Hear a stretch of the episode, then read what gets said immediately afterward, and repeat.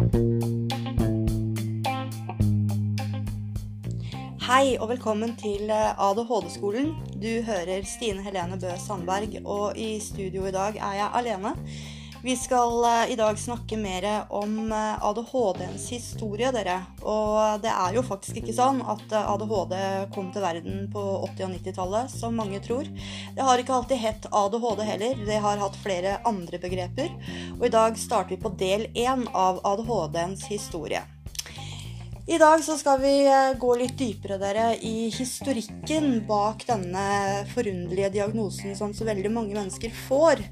Noen får den eh, helt uh, feilaktig fordi psykiatere på et tidspunkt tidligere eh, om årene har eh, hatt lett for å bare stille diagnosen til barn og unge som har vært hyperaktive.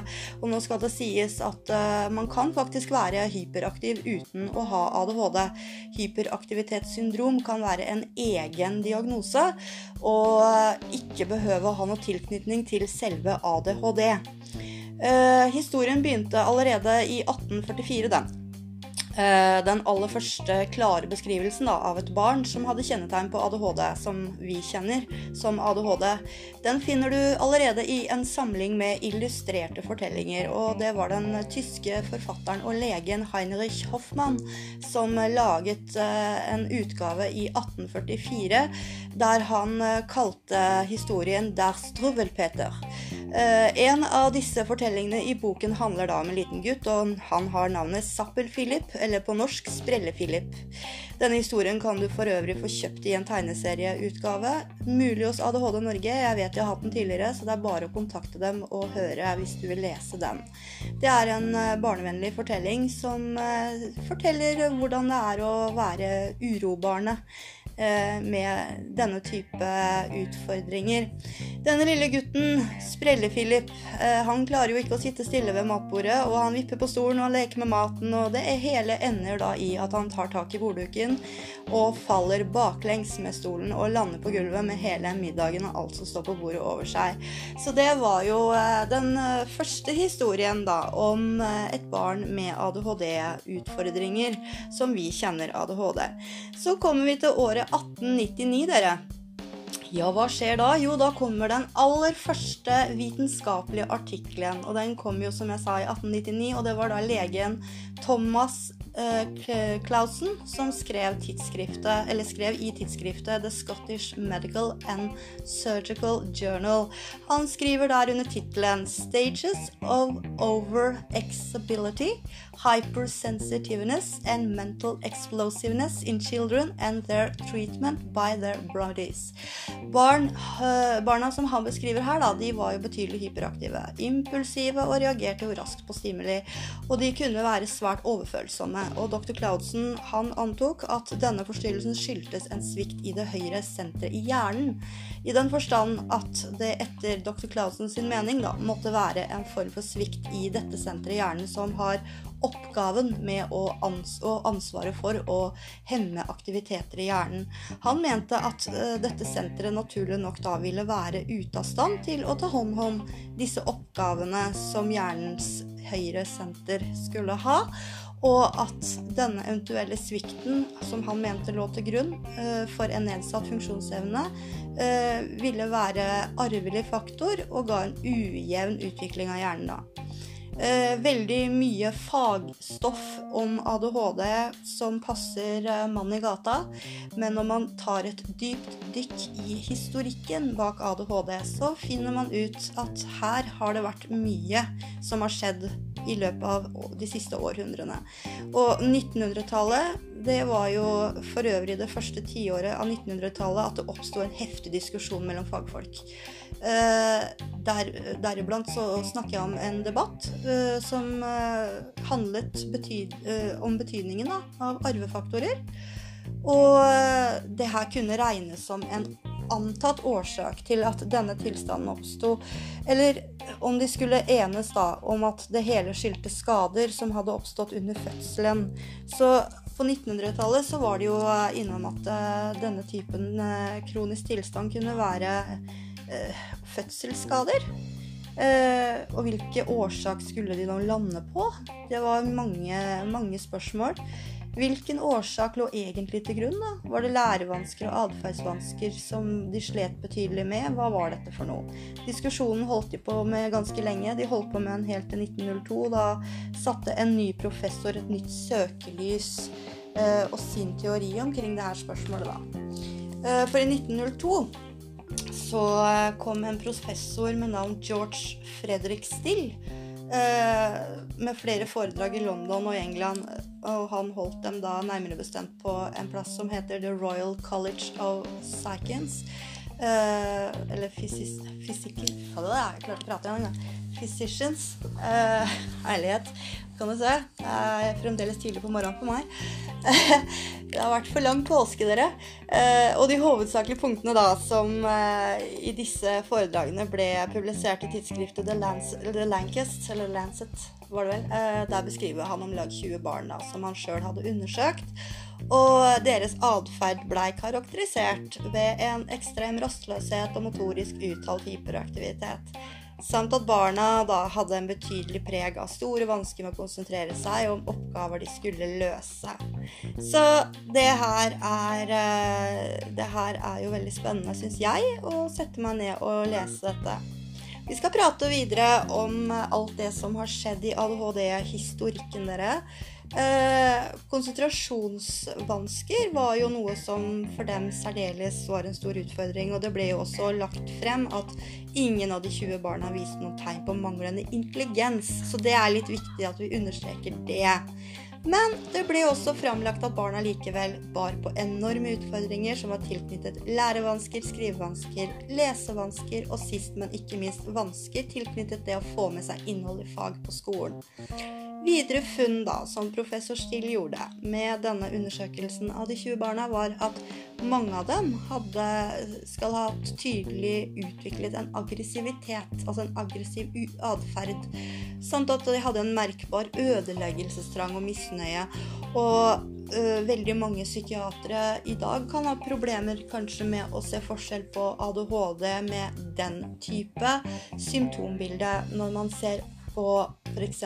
personlighetsforstyrrelsen borderline, eh, hvor man også har denne typiske ødeleggelsestrangen da, når man blir sinna. Og nå blir man jo ofte sinna med emosjonell ustabil personlighetsforstyrrelse. Jeg har den diagnosen selv. Eh, men jeg har jo da gått dialektisk atferdsterapikurs, eh, som er kjempebra, er absolutt å anbefale, hvor jeg har lært meg tips og triks om hvordan jeg skal håndtere det. Og det skal jeg jo dele med dere, men ikke i dag.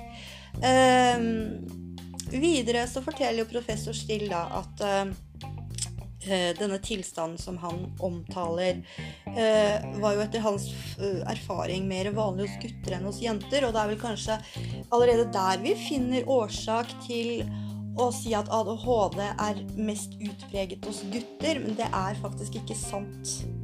Det eneste som er sant, er at når ADHD treffer hos gutter som er typisk gutter, så ser man at symptombildene er mer synlige enn hos jenter. Og det er jo fordi vi har dette snill pike-syndromet, og med, med, prestasjoner som forventes at jenter skal være snille, søte, pertentlige, flinke, tralala. Og så vet man at gutter de er litt mer ustyrbare, fordi det er sånn som er til menneskets natur, da. Eh, det er i hvert fall sånn jeg tenker. Eh, med min logiske tankegang. Eh, professor eh, Still han var en veldig smart mann. Eh, han eh, kom også fram til at denne tilstanden som han omtaler, eh, ble også etter hans erfaring mer merkbar i tidlig skolealder. Og det er jo der vi har landa i dag, i vår tid 2019, at mennesker som har ADHD, blir veldig ofte oppdaget allerede i tidlig skolealder. Noen før det også. Professor Still forklarer i sin teori vedrørende årsaken til tilstanden at han trolig mener at det kan være snakk om arvefaktor, men at han også vil få frem at en hjerneskade også kan være symptombilder. Og der tråkka han i salaten, mener jeg. Fordi Men det er klart, på den tida så var man jo ikke lenger enn man var, og det må man jo ta hensyn til og ta i betraktning. men Hjerneskade, dere, det er absolutt ikke noe man skal forbinde med ADHD. Fordi det handler ikke om en skade i hjernen. Det handler om at man er født med for lite dopamin, altså stoffet dopamin, i hjernens frontallapp, eller pannelappen, som sitter helt foran i panna. Og når man da på en måte ikke har Hvis du ser for deg et hull da, som skal fylles med dopamin for at en hjerne skal være komplett, så kan du tenke at når det hullet da ikke er tett med dopamin, så tar vi f.eks. Ritalin eller Concerta eller andre sentralstimulerende hvor dette stoffet fyller opp det hullet som en erstatning for dopaminmangel. Og Det er derfor vi har så god, godt utbytte av sentralstimulerende legemidler. Eh, som for noen vil være rusmidler. For oss er det ikke det. For oss så er det det som må til for at hjernen vår skal fungere optimalt. Eh, det handler om å samle seg, være til stede her og nå, være fokusert på det man gjør, og være litt sånn i det man holder på med der og da. Eh, det blir liksom eh, å si til en med ADHD 'skjerp deg' eller 'ta deg sammen'. Det er like dumt faktisk som å si til en lam som sitter i rullestol 'reis deg opp og løp', eller si til en med blindestokk at 'nå tar jeg fra deg blindestokken, nå skal du balansere rett på en linje uten å krasje med veggen foran deg', som du ikke vet når du møter, faktisk. Du får ikke lov til å ha hendene foran deg. Du skal bare gå rett på en strek, og så skal du stoppe før du møter veggen. Det blir liksom like dumt som det. Fordi å skjerpe deg og ta deg sammen, det kan for noen med ADHD være veldig sårende å høre. Uh, hvis man ikke har en sånn, kall det intern uh, fleip avtale om at uh, det er ikke vondt ment, og man er klar over at det er ikke vondt ment. Men om noen kommer til meg som ikke kjenner meg veldig godt, da, og sier 'skjerp deg' eller 'ta deg sammen', Stine, så kjenner jeg at jeg blir litt sånn Jaså, så du tror det er så enkelt? -huh. Men det er ikke bare å trykke på en knapp, liksom. Fordi sånn funker ikke i min verden. Men litt videre i, i historien. Det er 1908. Og eh, her kommer jo da neste vesentlige å nevne i historien om ADHD, hele seks år senere, altså i 1908, da bl.a. Eh, Thomas Treadgold. Eh, han var en veldig viktig storforfatter. Han beskrev jo barn som var betydelig hyperaktive da, og som hadde motoriske, altså fysiske, kroppslige, motoriske vansker. Bl.a. lærevansker og atferdsvansker også. Eh, han eh, antok da at årsaken til disse problemene skyldtes en skade i hjernen. Og han støtta seg nok litt på, Fred, på George Fredrik Still. Eh, og han, han, godeste Treadgold, han, han, måtte vel egentlig bare fortsette der den forrige slapp, holdt jeg på å si. Og, ja. Men i hvert fall, han Uh, skriver jo da følgende betegnelse 'organic abnormality on the higher levels of the brain. Og det blir litt sånn eh, organisk unormalitet på høyere nivå i hjernen. Eh, ja, man kan vel tenke og mene hva man vil om det. Eh, vi skal eh, gå videre i, eh, i podkasten, og neste gang jeg kommer tilbake Dette er liksom del én av saken. Del to kommer eh, rett etterpå. Eh, vi skal da gå til 1917 til 1920, og vi fortsetter podkast om litt. Hei så lenge. Vi er straks tilbake.